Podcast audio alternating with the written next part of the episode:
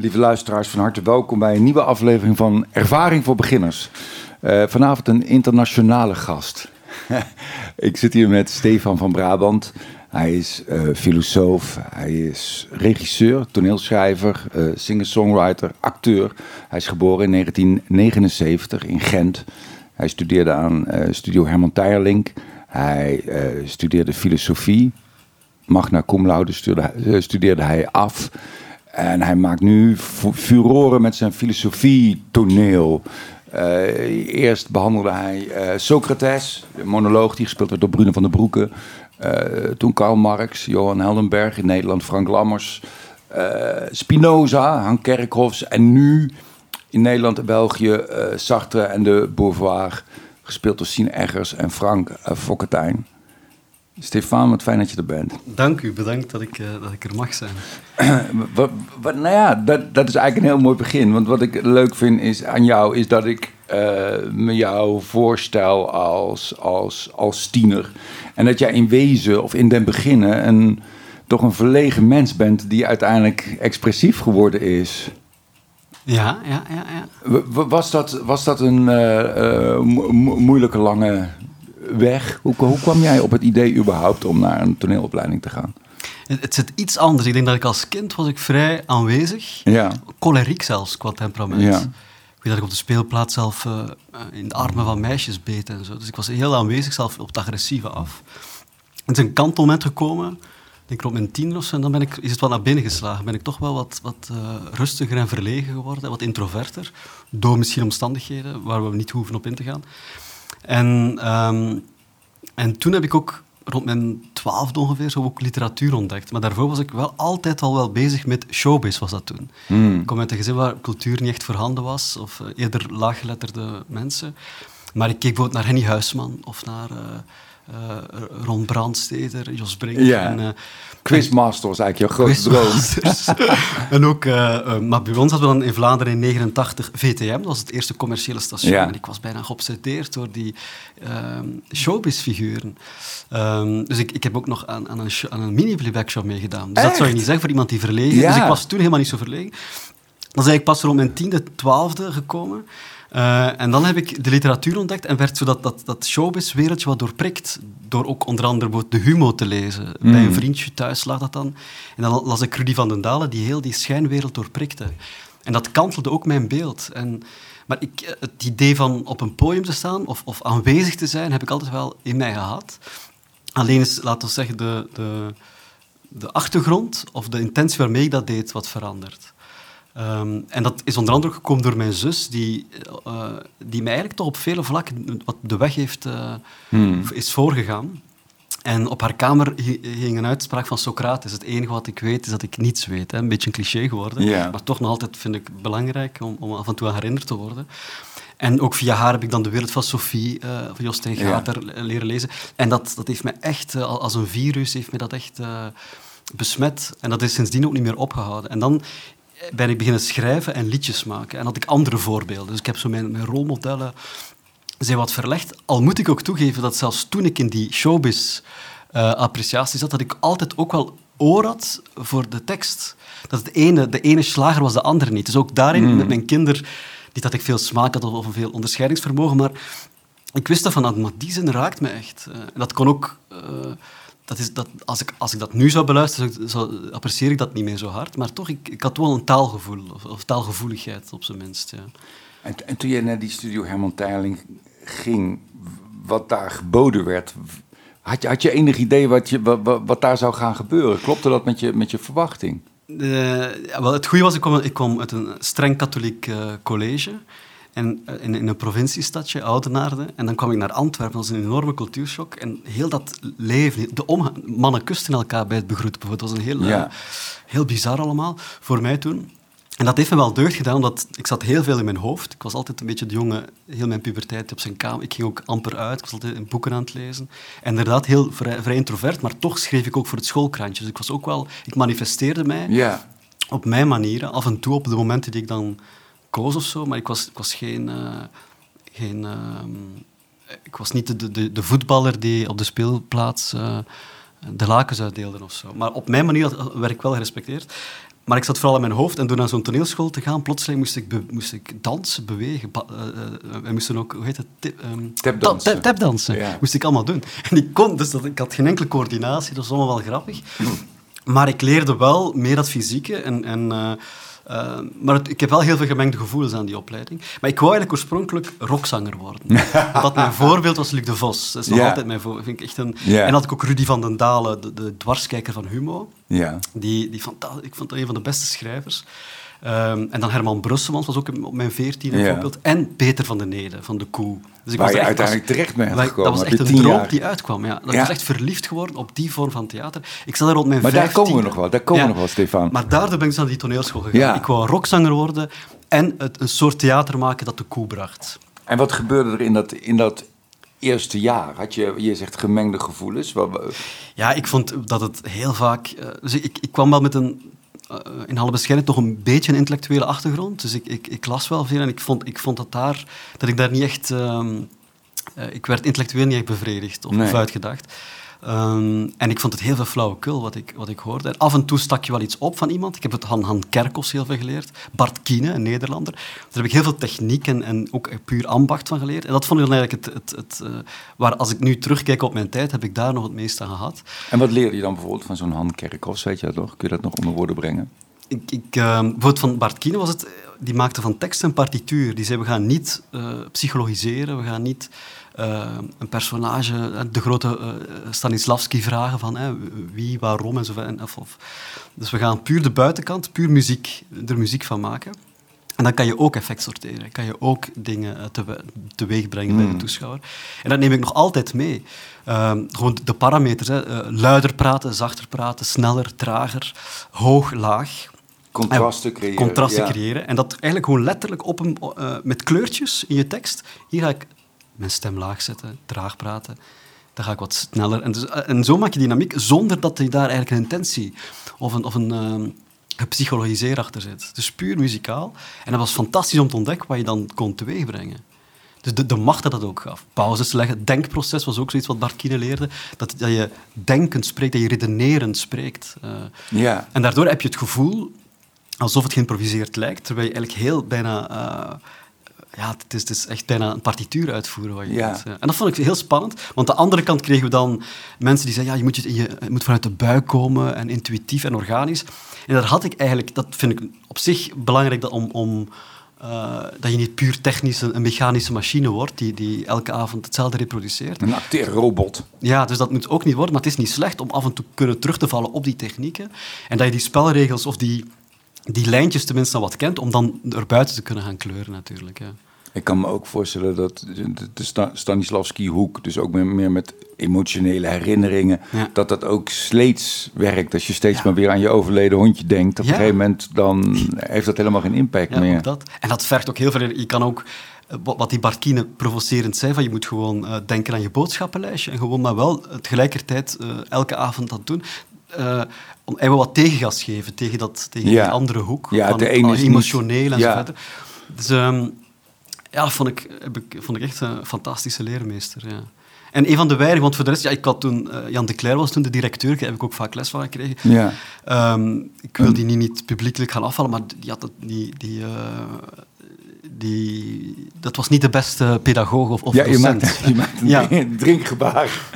Heb je dat gemaakt? Ja, ja, dat, dacht ik te zien. Maar, nee, dus maar, maar, wat er wel fijn was, want dat drinken was echt een belangrijk aspect van die school. Je had een kroeg, de Paliter toen, ja. waar we allemaal uh, tot, tot het stuk in de nacht zaten. Dat was een, voor mij een openbaring, dat soort liederlijke leven.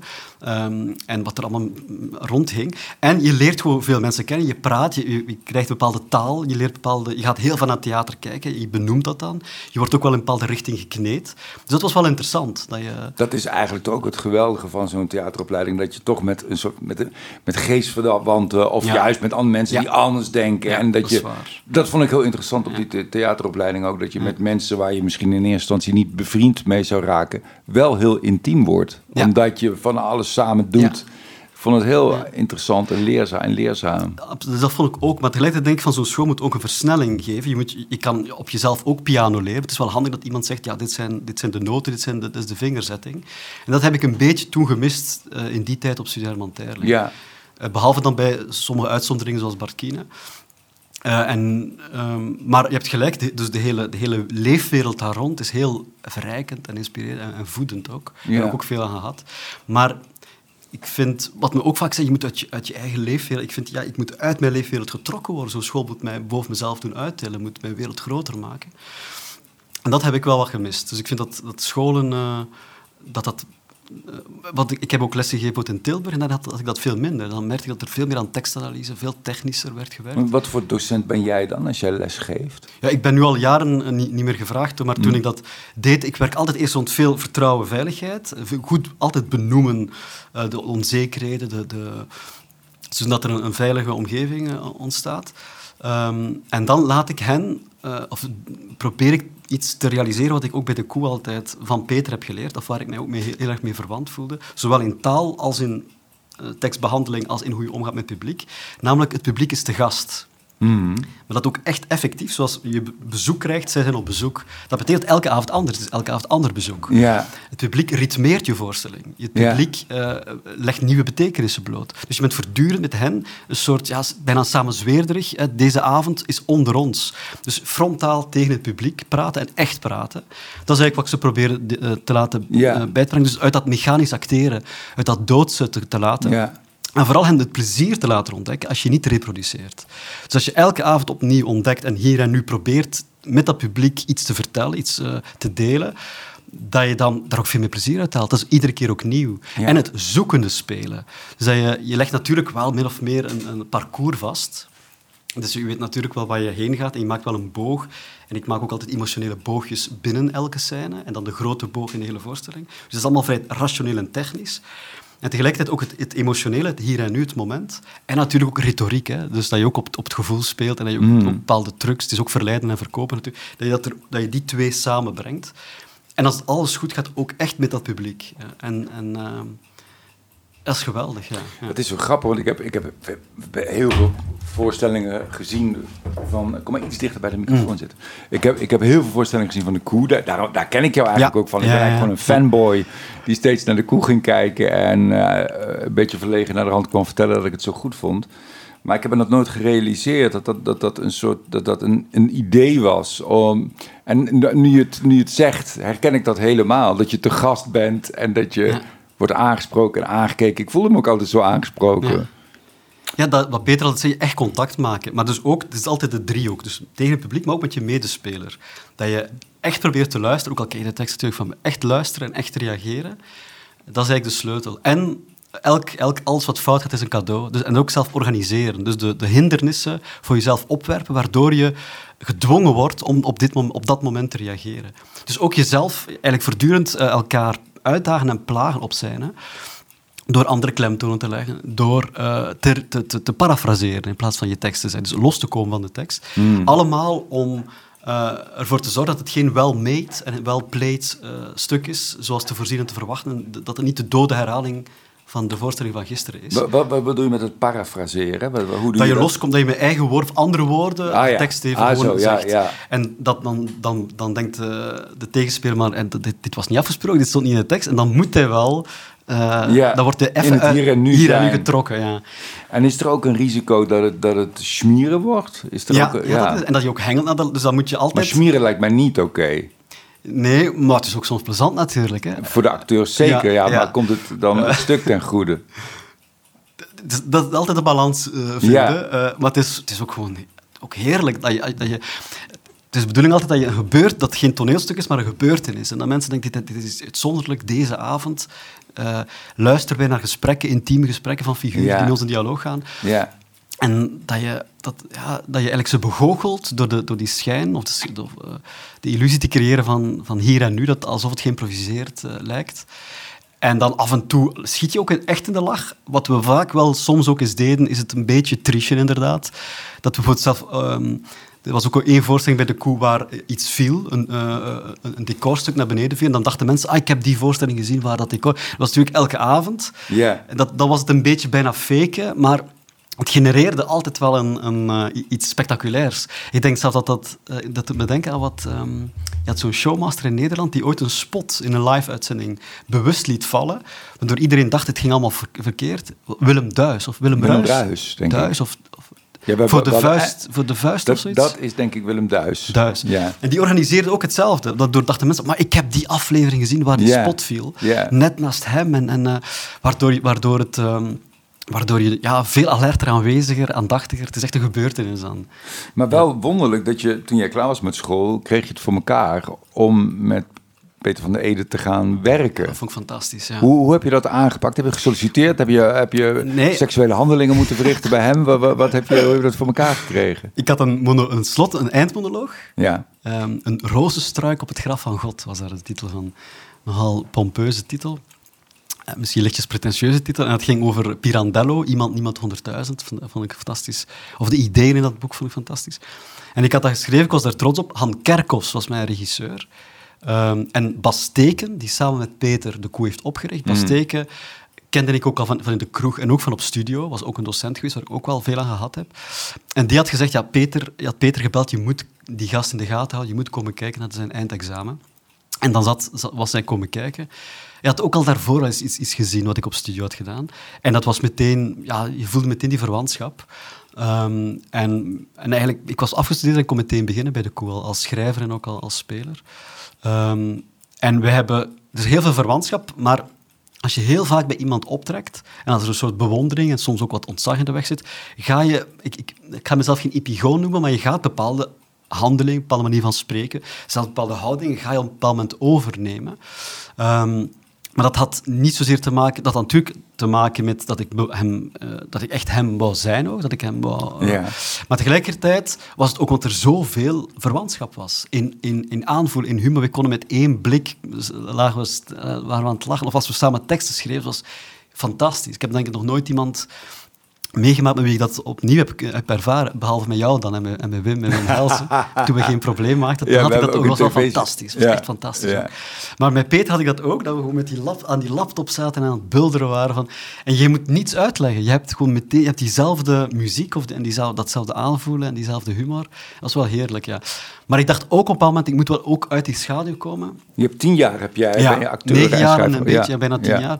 En ik had een oude droom die ik van mijn veertiende had, was filosofie gaan studeren. Ik dacht, nu is het moment om dat toch te doen. En dan ben ik er uit de koe gestapt en ben ik terug gaan studeren. Toen was je al dertig of zo? Toen was ik of- 29 Ja. jaar en dat wa- waren echt de mooiste jaren van mijn leven. En toen had ik ook ontdekt van, ja, wat, wat, wat een school ook, ook kan doen. Wat ik al een beetje op dat strenge katholieke college had Ja. geleerd, discipline en eh, bezielde leraar. Je had ook vreselijke leraar, maar had ook die, die vol overgave ehm, kennis en, en een soort van... ehm, mentaliteit of attitude eh, overdra- overdroegen. En dat had ik ook op die universiteit, waar fantastische docenten, waar ik ongelooflijk veel ge- van geleerd heb.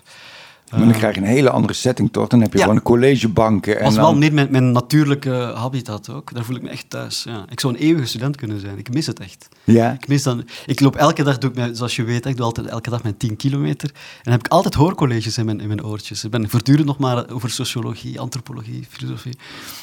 Ik ben echt een kennisfreak. ja, ja. Spons. ja, ja, ja.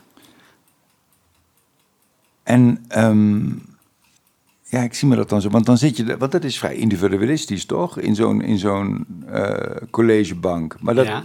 dat vond je ook prettig. Eigenlijk prettig. En, maar het had ook een sociale context. Nadien gingen we dan naar de kroeg en dan ook proffen gingen mee gaan eten, mee gaan drinken. Was een heel... Was heel eh, er was wel een, het was een formeel onderscheid, eh, maar toch tegelijkertijd, dat vond ik wel heel goed aan de Universiteit van Antwerpen, dat het kleine klasje, alle gekken gaan filosofie doen, dus het was een hele, allemaal Ja. buitenstaanders bij elkaar. Dus je kan er niks mee. Ja, je kan er ook niks mee. En dus dan, dat schept ook al een band. En omdat we maar met twintig of zo dan zitten in zo'n collegezaal, gingen we nadien ook wat gaan drinken. Dat was, was een intens eh, contact. Dat was heel fijn ook. Heb jij in die, in, die, in die periode, ben jij iemand die dan beetje bij beetje en stapje bij stapje leert? Of, of eh, was er ook sprake van, van grote inzichten die je, die je hebt gehad toen? Ja, want ik, vanuit, ik, was, ik vertrok heel arrogant vanuit het idee van ik ken hier alles al, ik heb alles al gelezen. Ik heb, van mijn, Schopenhauer was mijn grote leermeester op mijn 14 al en Nietzsche, dus ik had heel die geschiedenis al. Ik dacht, ja, die hebben mij niks te leren, ik wil gewoon dat diplomaatje om, eh, Ja. om voor vol aanzien te worden als ik televisie wil maken rond filosofie of boeken wil schrijven of theater wil maken. Maar het was na, na een paar lessen al duidelijk dat ik gewoon hoe weinig ik wist. Ja. En het was echt een les in nederigheid. Dat vond ik ook fantastisch. Eh, dat je voortdurend... eh, ja, je, krijgt, je, krijgt, je, je legt, er worden nieuwe verbanden gelegd die ik zelf op mijn eigen houtje niet had gezien. Eh, alles wordt op een, op een heel gestructureerde, historische manier uit de doek gedaan. Er worden bepaalde klemtonen gelegd die ik zelf niet had kunnen leggen. Dus het is, ik vond het echt fantastisch, ja. Om terug mij klein te voelen ook. Het is ook zo'n gezegde van dat hoe meer je weet, hoe meer je weet dat je, ja, ja precies, hoe weinig je weet. Maar ik vroeg eigenlijk naar, naar echt grote inzichten die je hebt gekregen. Of is dat, is dat, gaat dat, dat... Ja, ik ben een beetje verschoven. Ik was eigenlijk, in mijn puberteit was vooral Montaigne en Schopenhauer en Cioran. Die, dus ik was veel, heel sceptisch. De twijfel is eigenlijk zo'n beetje mijn, mijn, mijn motto of mijn, of mijn thema, zou je kunnen zeggen, in alles wat, wat ik doe. Het cultiveren van het, vieren van de twijfel, het vieren van onzekerheid. Ehm, wat filosofie eigenlijk is. Het meest kenmerk van filosofie is onzekerheid. Mm. Leren leven met onzekerheid. Uh, de, de, tirannie van de gewoonte doorbreken. Waar we het er net over hadden op podium, ook in het, in het dagelijks leven, ook in je denken. Dat je niet in gewoontes vervalt, in mechanismen, in, in trucs of in manierisme op theater. Maar ook in denken, dat je dat je dat cultiveert. Dat is volgens mij wel filosofie ook. Uh, en, en, lukt je dat beter? Dat lukt mij beter, maar, maar om, om terug te komen op de vraag. Dus ik had toen een cultiveren van twijfel. Ik was echt een scepticus. Ja, En geleidelijk werd ik wel door die filosofieopleiding iets wat meer activistisch. Dus ik ging mij. Mhm. Ik, zie, ik, ik, ik, had toch al snel of de, de neiging van het is allemaal zinloos en een soort nihilisme. Of een soort het is allemaal futiel, het is allemaal ridicuul. Wat we allemaal maar proberen. Ook, ook jezelf mhm. veranderen of de wereld veranderen. Maar door die opleiding werd ik. Dus ik was, ik was eigenlijk al ouder. Wat, wat je normaal op je 40ste, 50ste is toch het cliché dat je met ouder wordt wat rechtser wordt. Ja. Maar ik had die beweging eigenlijk al op mijn 14e, dat ik eerder wat individualistischer was en uh, meer stoïcijns of epicuristisch. Dat ik geleidelijk aan uh, mij politiek en sociaal wat meer ging engageren. Dat, dat, dat, en dat komt door die opleiding. Uh, niet dat ik marxistisch werd, maar het, het, het, scheelde toch niet veel. Dus ik ging echt wel uh, filosofie ook um, zien als, als, als een, uh, een discipline die een kritische en sociale functie te vervullen heeft. Uh, en, en, een actief, en een uh, actief in kan grijpen in de, in de wereld. En moet ingrijpen zelf. Dus die zich die, niet alleen maar theoretisch, maar ook praktisch geëngageerd. Daar ben ik nu al weer een beetje van. Nu zit ik zo'n beetje in het midden terug. Ja. Want pas je dat nu ook toe in, in die filosofie-monologen? Is dat, zit daar een vorm van activisme bij? Zit daar... Ja, een beetje. Ik wil graag dingen delen die, die ik waardevol en belangrijk vind.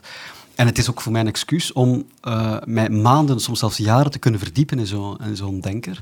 Want ik ken wel de, de, krachtlijnen van zijn filosofie, ken ik wel, maar biografie, daar, daar wordt vaak aan voorbij gegaan op de universiteit. Ik vind ze mm. minder belangrijk. Ik vind het net zo goed dat je die kennis neemt dus, en, dat, en dat bestudeer ik heel hard, maar tegelijkertijd ook het opzoeken met anekdotiek en met, met verhalen die volgens mij ook uh, vaak die, die filosofie illustreren of tegenspreken. Um, en wat ik probeer te doen is uh, delen wat, wat mij waardevol en belangrijk lijkt aan die filosoof, wat, wat actuele relevantie is, maar tegelijkertijd uh, het zijn portretten van filosofen, maar het zijn ook deels zelfportretten, moet ik zeggen. Ja, dus ik, ik smokkel er stiekem ja. allerlei mijn eigen, uh, mijn eigen, hoe zeg je het, dadas in.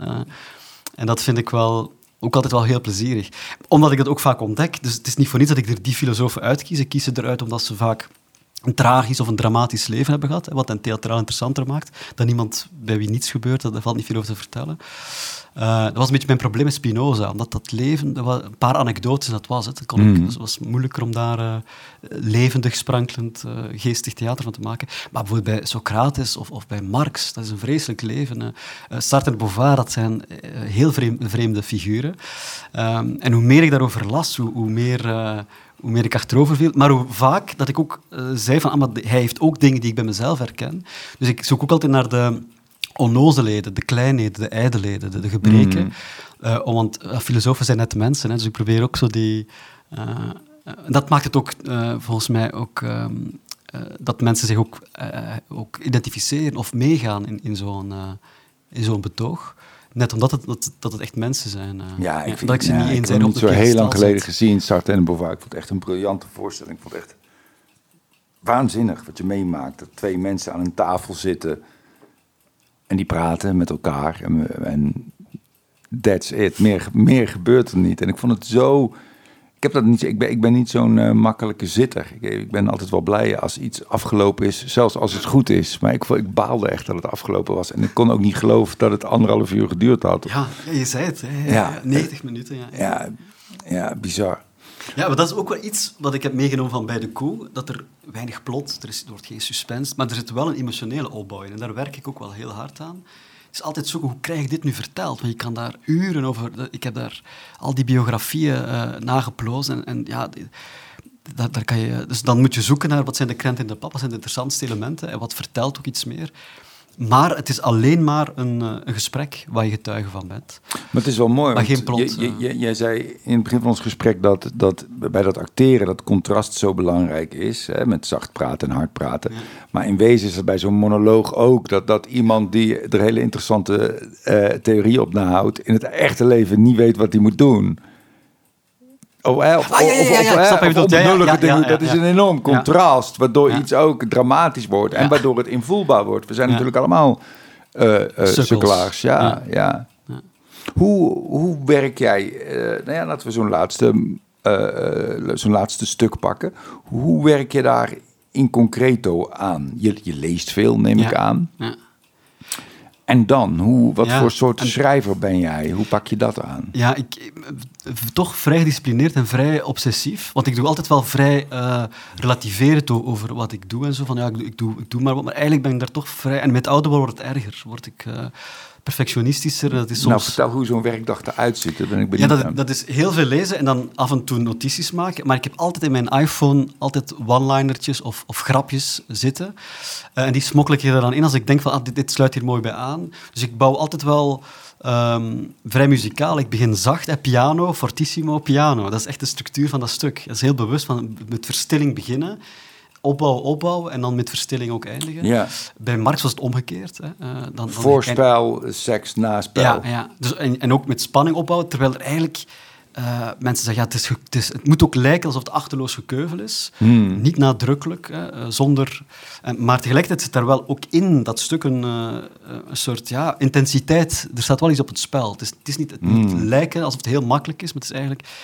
Um, en daar werk ik dan ook aan, van hoe kan ik dit hier opbouwen? En aan, aan, en ook als ik met acteurs aan werk, aan, die, aan de pauzes, aan hoe ze het vertellen. Maar eerst nog even het schrijven, Stefan. Zit, je, zit je aan een bureautje? Ben Altijd in mijn bed. Ik schrijf alles wat ik toen al met geen probleem. Toen ja. dat ook, deed ik dat ook in mijn bed, ja. of, of je dat nog herinnert. Zeker. En ik heb ook mijn boek uh, in mijn bed geschreven, uh, mijn thesis, alles, alles schrijf ik je in ligt, mijn bed. Je ik ligt met ja. je laptopje op je buik. En je dan heb je stevig nek en zo. Uh, ja. ja. Maar dat is een, dat is, ja, ik ben zo begonnen en ooit, en dat heb ik altijd maar verder gezet. En hoe lang? Proest deed dat ook zo, om maar meteen... Uh, en Descartes ook.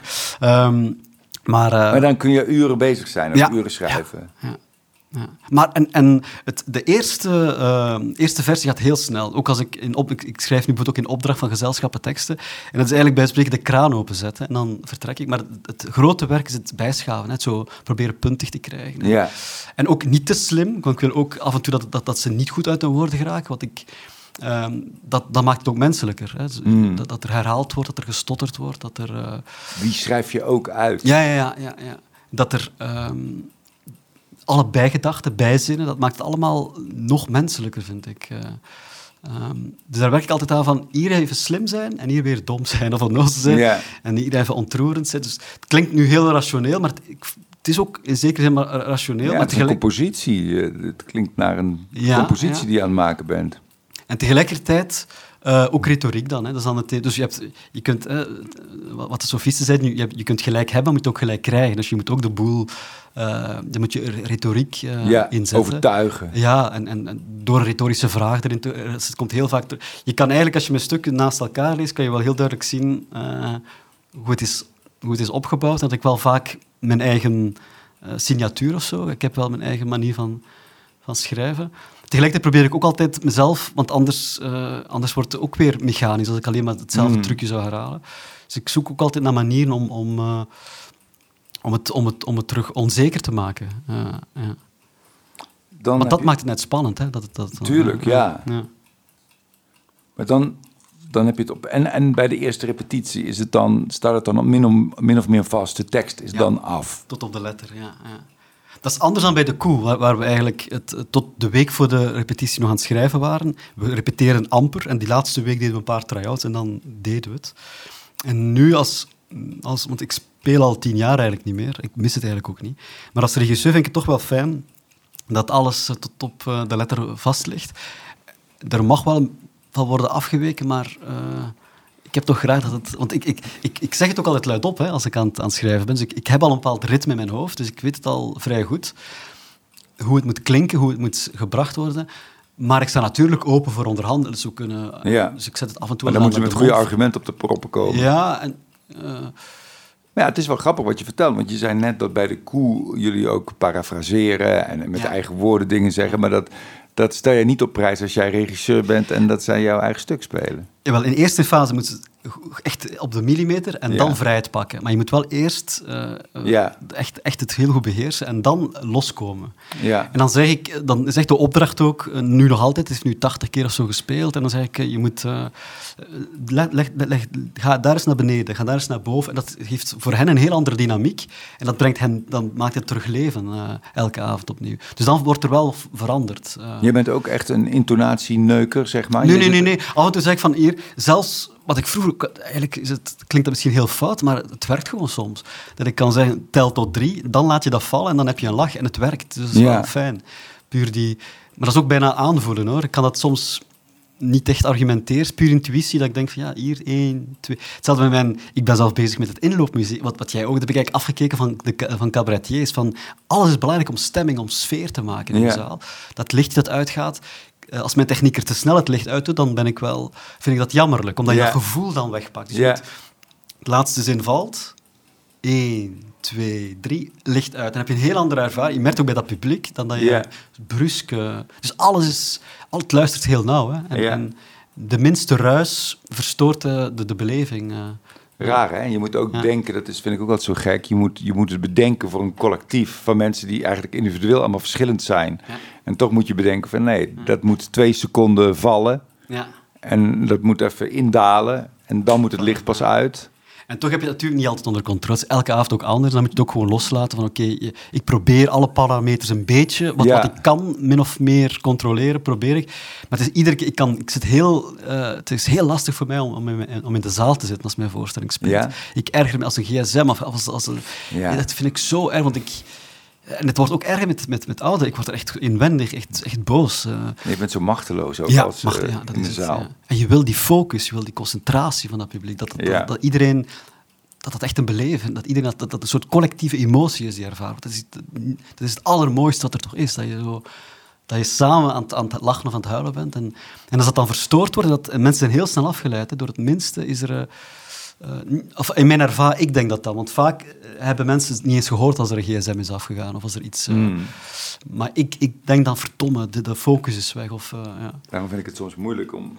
Ook als er bijvoorbeeld een keer veel gehoest wordt of zo... Ja, ja, Of ik daar iets van moet zeggen. Want inderdaad, een hoop mensen hebben het niet eens door. Of die, die, die letten daar niet eens op. En, en ik sta helemaal open. Ja, dan maak je het zelf, dan maak je het zelf stuk.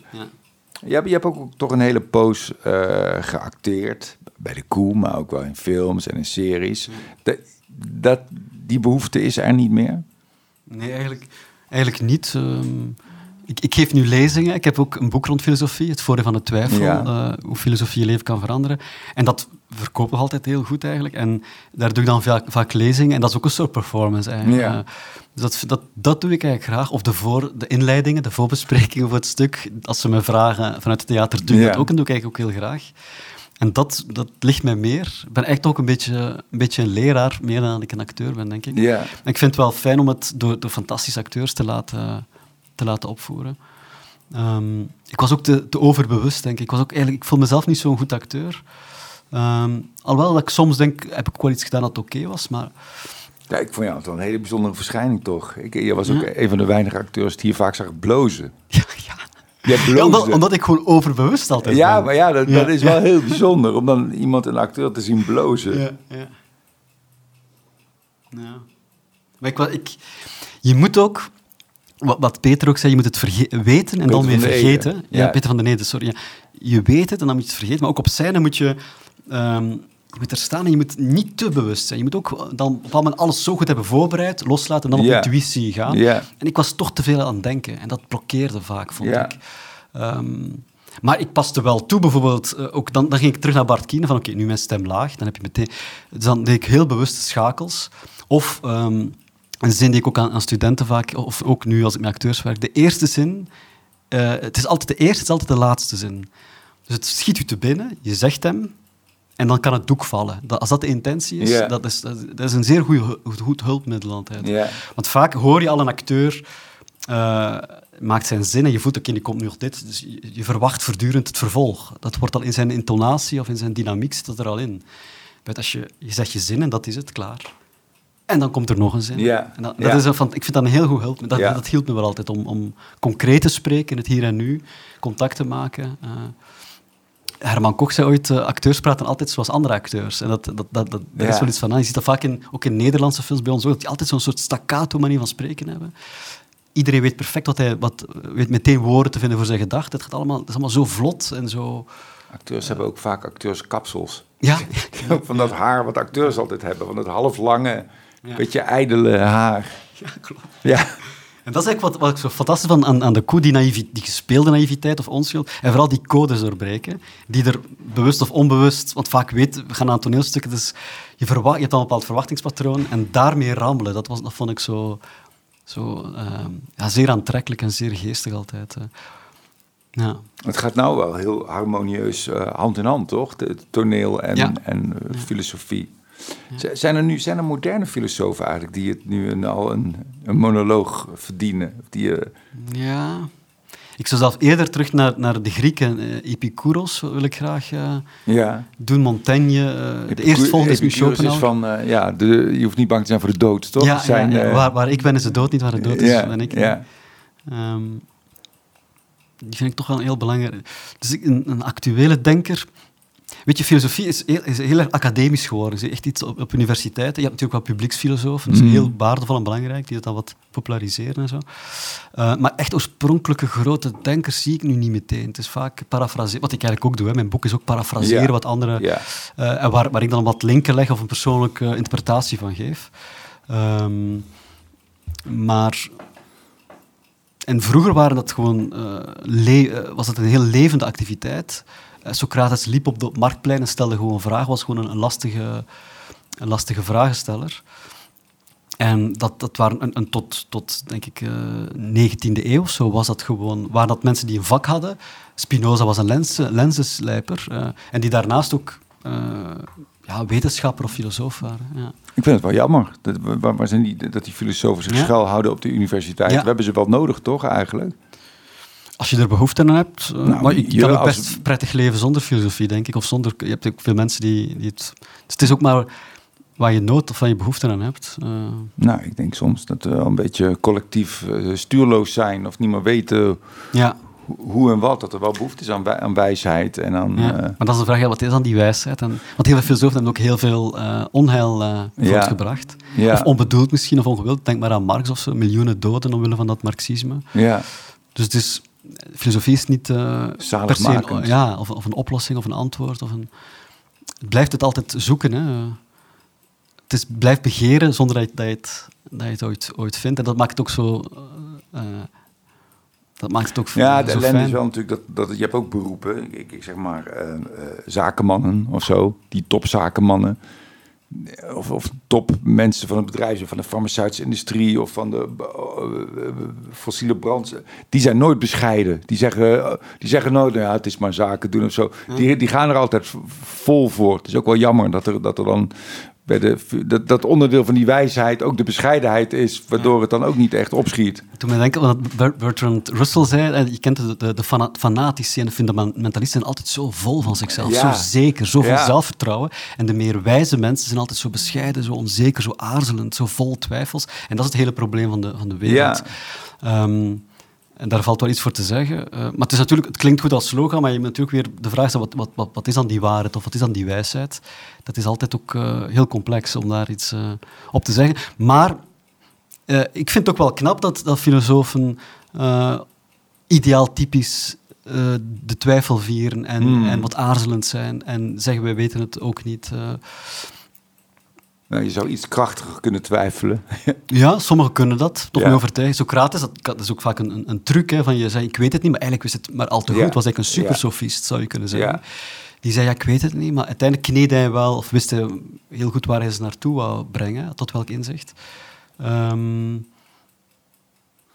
ja. Als jij kijkt, Stefan, naar de weg die je hebt afgelegd, hè, van dat ventje dat, dat naar die theateropleiding ging, naar nu.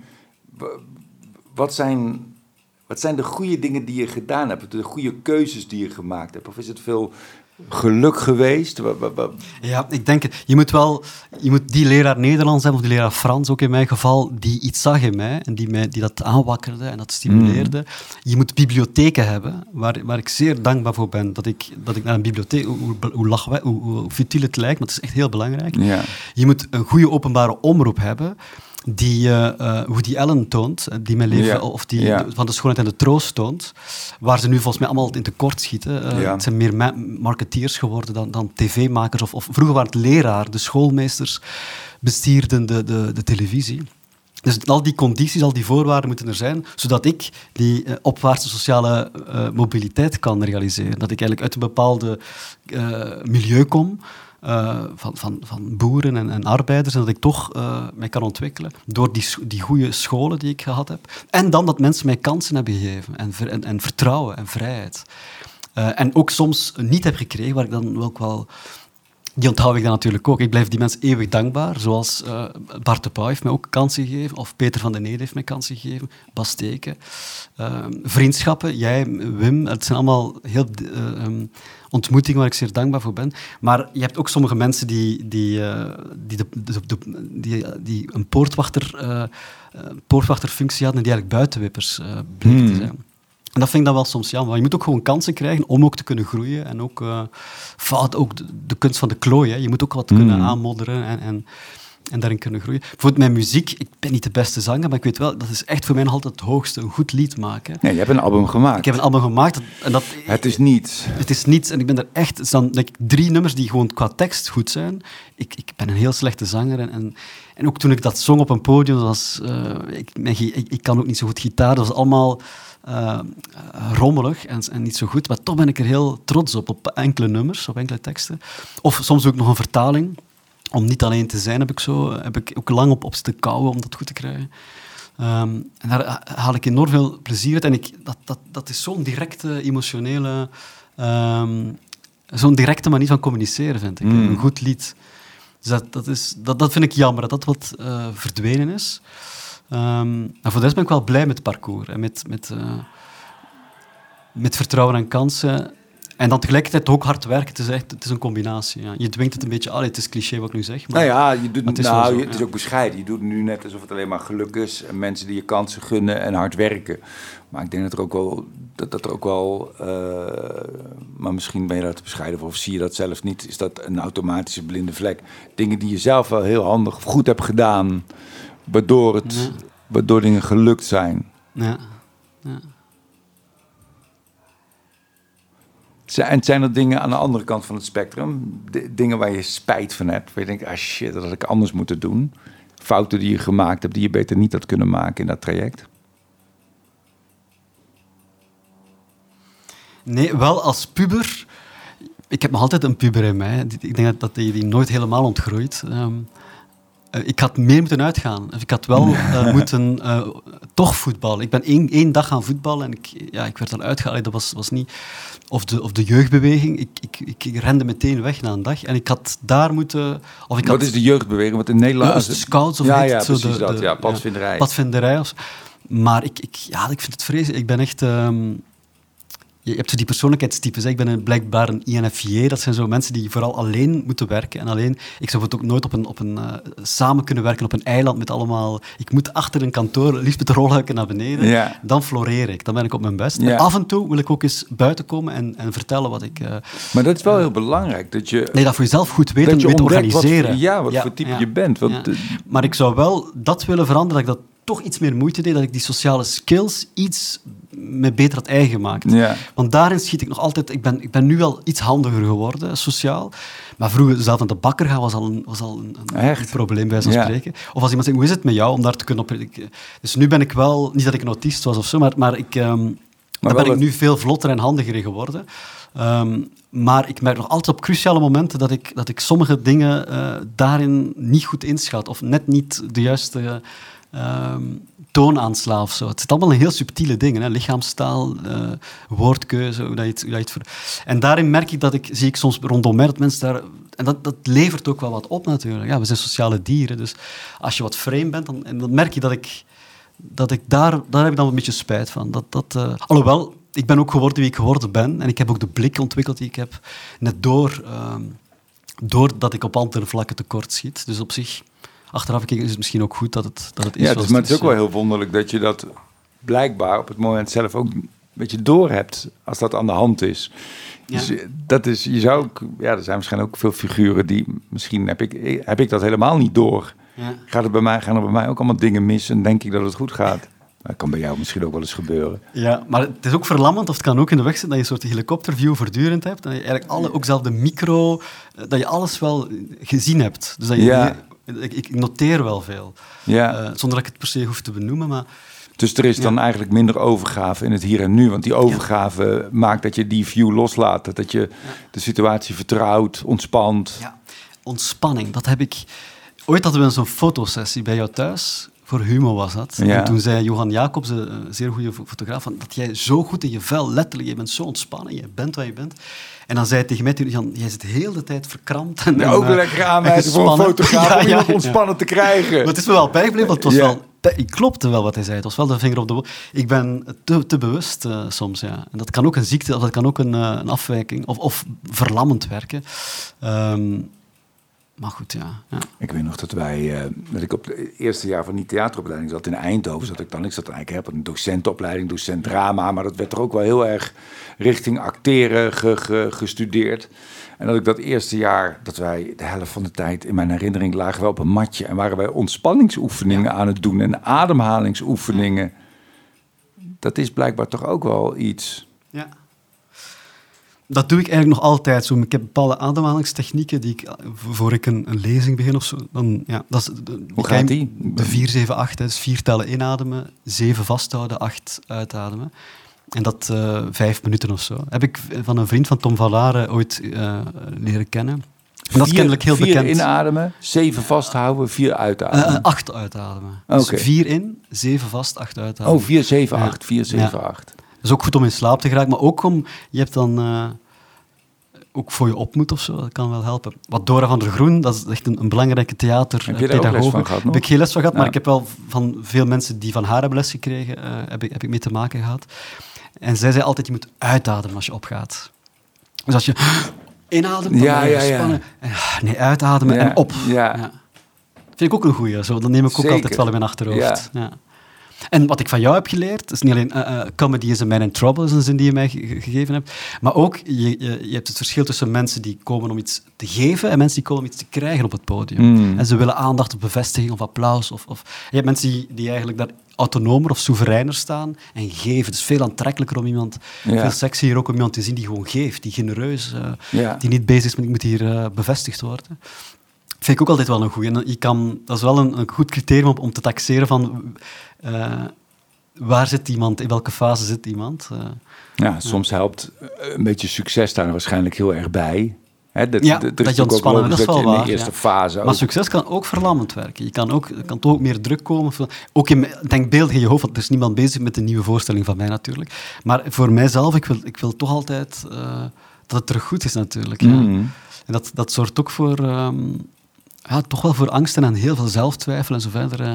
Ja, zit je ja, te tobben? Ja, ja, ja, zeker als, als ik zo in de, in de schaaffase. Het eerste fase gaat vlot en dan dan kan het echt wel wakker uh, en kun je wel... Dat is ook goed, hè? gelukkig, want als dat ophoudt, dan houdt het op. Ja, zeker. Ja, Maar kun je wel ook, uh, nu, hè, de successen van Sartre en de Beauvoir met allemaal vijf sterren recensies, kun je, kun je daar wel van genieten ook? Ja, ja, ja. Meer, dat kan ik dan ook wel, meer dan vroeger. Ook bewust van, het is echt... Uh, wat ik, ik dacht nooit na Marx dat ik want wat we met Marx hebben meegemaakt, heb ik nog nooit in heel mijn carrière meegemaakt. Dat dit, dit, dit, dit kan nooit uh, herhaald worden. Of Hoe mensen erop reageren. Ja, ja, Ik heb die ook hier in Antwerpen gezien. Dat, is, geweldig. En ook al de mails die ik kreeg. En al iedereen die, dat, die de tekstboekje wil en zo verder.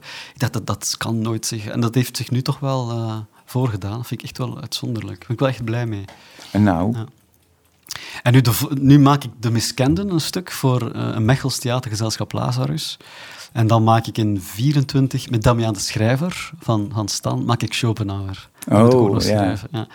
Uh, en voor de rest wil ik eigenlijk terug, um, want ik, ik, ik, ik, wil niet heel veel werken. Hè. Dus je, je kent me een hmm. beetje dat ik En af en toe wil ik eens iets doen. Uh, maar ik wil toch uh, misschien dat theater een klein beetje parkeren over een aantal jaar en wat meer terug boeken schrijven. Dat, dat ik, dan heb je alles echt onder controle. Je hebt, je hebt geen acteur die het uitvoert of die eventueel ook verknoeit of wat dan ook. En dat vind ik, vind ik wel fantastisch. Dan, dus ik denk dat ik daar nog ook wel uh, groeimarge ook heb. Um. de prijs die je betaalt is ik zou zeggen, eenzaamheid ook. Ja, maar dat vind ik, dat vind, dat vind ik is voor mij echt cruciaal. Dat is echt een, voor, een noodzakelijke voorwaarde om te kunnen functioneren. De tijd die ik met mensen doorbreng, moet minstens even lang, liefst dubbel zo lang, alleen thuis zitten. Ja. Het een schrikbeeld voor mij is thuiskomen dat er een vrouw of kinderen zouden zitten zitten. Dat is, ik zou blokkeren. Dat staat ook heel mooi in het Nu alles went, ook de hel went. Dus ik zou het ook wel kunnen aan gewoon worden, denk ik. Maar ik zoek het toch niet op. Uh, ja. Een ander talent van jou vind ik ook, het is een heel praktisch talent, maar dat helpt heel erg volgens mij, is dat jij totaal niet materialistisch bent en niet heel erg geïnteresseerd bent in geld en met relatief weinig toe kan, waardoor je ook heel veel vrijheid gecreëerd hebt. Hè? Dat is ook wel een wijze les. En ik denk dat de, de, nieuwe adel is degene die tijd heeft en vrijheid, mm. vrije tijd heeft en, vrijheid. Uh, wat ik synoniemen bijna zijn, maar, uh, maar ik, ik ben wel... Uh, ik kom niet uit, uit, een rijk, uit een rijk gezin of zo, dus ik ben wel gevoelig aan geld altijd. Ja. Dus ik wil altijd wel een soort drempelwaarde, een soort basis, dat ik, wel, dat ik geen angst heb. Want het is wel iets dat zou kunnen spelen. Als ik weet van ik heb geen inkomen, zou ik echt wel in paniek raken. Omdat ik net die, die basis nooit heb gehad in mijn jeugd, denk ik. Ben ik toch altijd alert met geld, maar tegelijkertijd leef ik super sober. Ik koop letterlijk niks meer. Allee, eten, dat is het enige, denk ik, dat ik uh, toch koop. Uh, kleren koop ik niet meer, boeken, ik ga naar de bibliotheek. Uh, dus ja, en, dat, en daartegenover staat dat ik heel veel, dat ik zelf mijn tijd kan indelen. Ja, dat ik, uh, je bent nu, hoe ben je, 43? Ja, net 44 geworden. 44. Ja, ja. Kun jij je voorstellen, doe, doe, je ogen eens dicht en stel je voor dat je, dat je 65 bent, over, over ongeveer 20 jaar. Wat valt er nog veel te leren, denk je? Denk je dat je dan een, een wijzere man bent dan dat je nu bent? Maar ik denk dat ik ik zit altijd met dezelfde vraag als toen ik veertien uh, naar, naar plafond stond te staren in mijn bed. diezelfde, die werkelijkheid die mij altijd perplex blijft doen staan. Dus het, uh, je krijgt het nooit. En dat is ook dat, ook, dat omarmen, waar ik vroeger tegen vocht, van kennis om controle te krijgen, kennis om dingen te kunnen beheersen, is nu van kennis om uh, altijd maar het raad, bij spreken, open te houden. dat je eigenlijk, als je een puzzel aan het leggen bent, dat is fantastisch, met een puzzel aan het leggen. Maar als die puzzel af is, dan is het, ja, dan, dan is de lol er, dan is het klaar. Dus dan is het doods. En leven is net voortdurend verkeren en het omarmen in die onzekerheid, in de veranderlijkheid, in feilbaarheid ook. En naar jezelf kunnen kijken en lachen. Uh, in die feilbaarheid, in dat gepruts. In, in dat, uh, dus ik denk dat mijn leven, als het, als het nu zou kunnen verder gezet worden zonder al te veel fysieke ongemakken, vind ik het eigenlijk best prettig. Terwijl ik eigenlijk een, een nogal misantroop en een, een pessimist ben. En ik vind het leven echt uh, uh, geen cadeau of zo. Tegelijkertijd vind ik het nu, zoals ik het nu gerealiseerd heb, ja, dat mag wel nog even blijven duren. ik vind het niet erg om dood te gaan. Ik vind het leven ook niet erg. Ik vind het eigenlijk niet erg meer om te leven. ik, vind het eigenlijk niet erg meer om te leven. vroeger was het god, toch echt een... Uh, ik vind altijd een worsteling, maar je kan er ook een soort plezier in vinden, in die, in die worsteling. Ja. En dat ook gewoon bekijken, een soort met een, van een afstand, een beetje toeschouwer van je leven worden. En tegelijkertijd ook wel participeren, maar ook altijd observeren. En dat is een soort, wat, wat humor is, als je er echt middenin zit. Je hebt geen afstand, dan is het tragisch. Als je er echt mm. in. Maar ga even, iemand valt en je kijkt, of je, of je ziet jezelf vallen, dan wordt het humor. Uh, life is a tragedy, tragedy for those who feel, but a comedy for those who think. Dat is zo'n ja, zo, ja, uh, zinnetje. En dat vind ik wel, daar is, daar is wel iets van aan natuurlijk.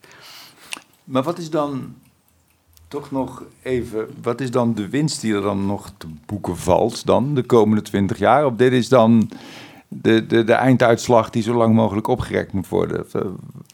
Um, ik denk eigenlijk nooit zo in. Want ik vermoed, veel mensen in mijn familie, eh, de, de, mannen, de mannelijke tak is altijd rond 68, 70. Ja, dan moet je kanker, nog even. Dan moet je nog even, Stefan. Dus niet zo lang, 20, 20 ja, 50 nou ja, maar goed, ik had het over die periode. Ja, ja, ja. dus ik mik dat ik, ik denk dat ik nog 20, als ik niet overreden word of niet al vroeger kanker krijg, uh, dan denk ik dat ik nog een 20 jaar te gaan heb.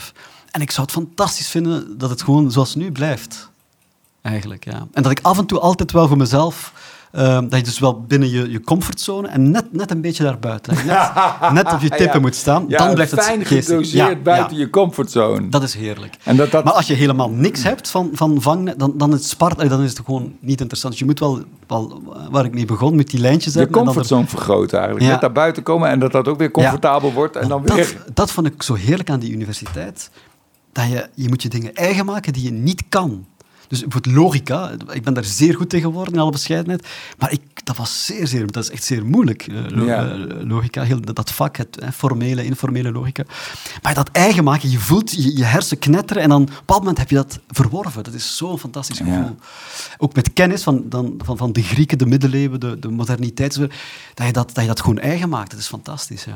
Ja, het is ook wel mooi om te weten dat je zoveel meer kan dan je denkt. Ja. Ik had laatst nog, toen kreeg ik ook een heel pakket papieren toegestuurd. Die moest ik voor een of andere klus moest ik dat lezen. Echt 175 pagina's met allemaal over dingen waar, waar, waar ik de ballen verstand van had. En ik was ook heel moe van hard werken en ik, ik raakte gewoon in paniek daarvan. En ik voelde me echt zo'n slang die een, een rat moest verorberen die veel te groot was. En ik weet dat bij slangen die kaken van elkaar kunnen, maar ik kreeg die kaken niet van elkaar. En, maar goed, als je, dat dan, als je daar toch even rustig in wordt en zo, en een dag later het een beetje lezen, een beetje kijken, en twee dagen later, dan, is het, dan zit het er eigenlijk alweer in of zo. Terwijl ja, je, kan, je, kan, je kan zo fucking veel. Ja. Alleen je kan je dat op het moment zelf al de, de, de, nog niet. Laatst kreeg ik ook een heel toneelstuk toegestuurd of ik daarin wilde spelen. Toen ging ik het lezen. En toen dacht ik ook van fuck man, ik, moet dat, dat kan ik nooit allemaal dan denk ik ook echt, wat kan ik nooit allemaal leren? Dat is flauw, dat is het hele ja. probleem niet. Ja. Dat is het hele probleem niet. Ja, en, en als, je, als, je, als je nieuwsgierig en, en aandachtig aan het leven probeert te staan, dan is het, eind, is het eindeloos plezierig ook. Want je, er valt altijd wel dingen bij te leren. Ik was net vanmorgen nog even bij Mechanieken, bij mijn favoriete ja, ja, stripwinkel in Antwerpen. en er staat nu op de etalage, staat, als je doet wat je leuk vindt, hoef je nooit te werken. Ja, voilà. Ja. ja. Maar, maar, maar, maar het zijn ook vaak de mensen, de, de dilettanten of de amateurs, die, die het fanatiekst en in vol overgave... Als het werk wordt, dan, dan ga je er sneller al de kantjes van aflopen. Denk, als het echt een passie is, dan, dan, is het, dan voelt het ook niet als werk. Hè. Dan ben je inderdaad aan, aan het spelen. Wat eigenlijk hetzelfde zeggen is, maar met andere woorden. Ja, ja. ja. Zoals die Piet Hein Eek uh, zei, um, als je iets doet wat je niet leuk vindt en het heeft toch succes, ben je toch niet gelukkig. Ja. En dat klopt ook, vind ik. Ja. Kijk, ik heb daar niet zoveel ervaring mee, moet ik zeggen. Nee, maar, bedoel, maar je kan wel in iets terechtkomen. Ik ken Zeker. vrienden van mij die dan in, in, in, in, een populaire soap terechtkomen, die heel succesvol is, maar die eigenlijk zeggen, dit, dit is niet leuk om te doen. Ik vind ook ja. die aandacht niet prettig, ik vind die mensen... Dus dat, dat, is, wel, dat is wel pijnlijk. Hè? Zo zijn er heel veel, denk ik. Uh, en dat, um, uh, daar zijn we dan mooi aan ontsnapt. Ja jij zei ook van ik ben eigenlijk toch meer een docent geworden hè, dan, een, dan, een, uh, dan een acteur. Kun je daar iets bij voorstellen? Dat je toch ook echt weer op een theateropleiding bijvoorbeeld gaat lesgeven? Ja, ik werd er echt, echt gelukkig van. Als ik zo die... Als ik zag dat, dat ik toch iets had bijgedragen of zo en, uh, en dat, ik, dat, dat ik zag groeien en bloeien, dat is echt dat is het mooiste wat er is. Als, als, je, als je dat kan doen. Als je dat kan realiseren. Als je Mm. kan, uh, ja. Het is nou zo, ik, heb het idee dat er niet meer zoveel gebeurt, man. Dat toneel toch echt ook een beetje dooie, een beetje dooie toneelvorm is in Nederland. Ja, ik volg het niet meer zo, maar ik moet wel zeggen, als ik dan eens ga, want eh, soms uh, lees je wel, eh, dat is een fantastisch voorstelling, moet je gezien hebben, dan trap ik dan daarin en ga ik dan naar Amsterdam kijken, naar, uh, bijvoorbeeld naar Ivo van Hoven, hè, wat, wat een, bekend, een, een, bevriende actrice zegt, dat is Louis, Vuitton theater, vind ik een goede typering. Ja. En dan zie ik dat allemaal virtuoos, allemaal fantastisch, indrukwekkende decors, en het doet mij niet veel. Nee. En dan zie ik wel codegetrouw dat publiek uh, rechtveren en applaus, ondertussen, ze applaus geven, een G wegdrukken. Dus dat, ik, ik vind, er is geen echte communicatie, is mijn ervaring. Hè. Het kan projectie zijn of het kan uh, hineininterpretering zijn. Maar hoe fantastisch het ook allemaal gedaan is en gespeeld en geschreven, toch op een of andere manier heeft het voor mij iets doods of iets mechanisch vaak. Dus ik, ga, ik, ik ben ook niet zo echt een uh, Is het ook niet een beetje artistiek gepoch of zo waar je dan naar zit Ja, het is, het is demonstratief. Het is, ja. uh, laten zien hoe virtuoos of hoe goed, hoe mooi. Of, ja, dat is ook verschrikkelijk lijkt me. Als je zo'n bedrijf hebt, want dat is het op een gegeven moment. Die hebben een ondernemingsraad Ja, en zo. ja, ja, ja. En dat je dan, ik ben ook wel eens bij die, bij die groepen binnen geweest. En die hebben dan iemand die gaat over de kleding. En die heeft dan vier assistenten. En die, daar moet je allemaal wat mee doen. Terwijl in, als je vanuit alle kaalheid en vanuit het niets begint. Dan komt er ook geen flauwekul bij. En als er dan iets nodig is, ja, dan ga je bedenken hoe en wat. Maar als dat allemaal staat te trappelen in allemaal ateliers en zitten Ja. te wachten tot ze iets mogen naaien of maken of decor, dan, dan, ga, dan ga je het allemaal doen. En dan krijg je altijd die geluidsdecors en, Ja. en de videobeelden en al die En iedereen wil zich ook laten... Oei. Ja, ja. ja. Dan moeten we nu stoppen, hè? Onmiddellijk, dit had je eigenlijk Ah, al niet meer mogen Oh, zeggen. oh, dit is, je gaat nu alweer een grens over. Dankjewel, Stefan. Nee, bedankt. Brabant. Ja, nee, als je nog iets wil zeggen, kan het ook, hè? Ik wou nog afronden wat je zei over die, over die theaters. Dat ik, dat ik soms zeggen mensen, ja, mensen zoeken daar een nieuwe artistiek leider van een of ander groot Mm. gezelschap. En zeg je, ja, je moet kandideren. Maar dan denk ik van, ten eerste voel ik me niet geroepen daarvoor of, of, of bevoegd. Maar ik denk dat ik helemaal eh, daar niet zo gelukkig van zou worden. Net omwille van die rompslomp en al die administratieve toestanden. En iedereen En met moet al die mensen die te maken hebben. maken. Ja, dat al. ja, Vijfjarenplan. ja. En ik denk, laat mij maar gewoon rustig wat, eh, wat nee. boekjes lezen en wat rondwandelen. En af en toe eens iets, eh, iets maken. Mooi voor elkaar, Stefan. Dankjewel, lieve vriend.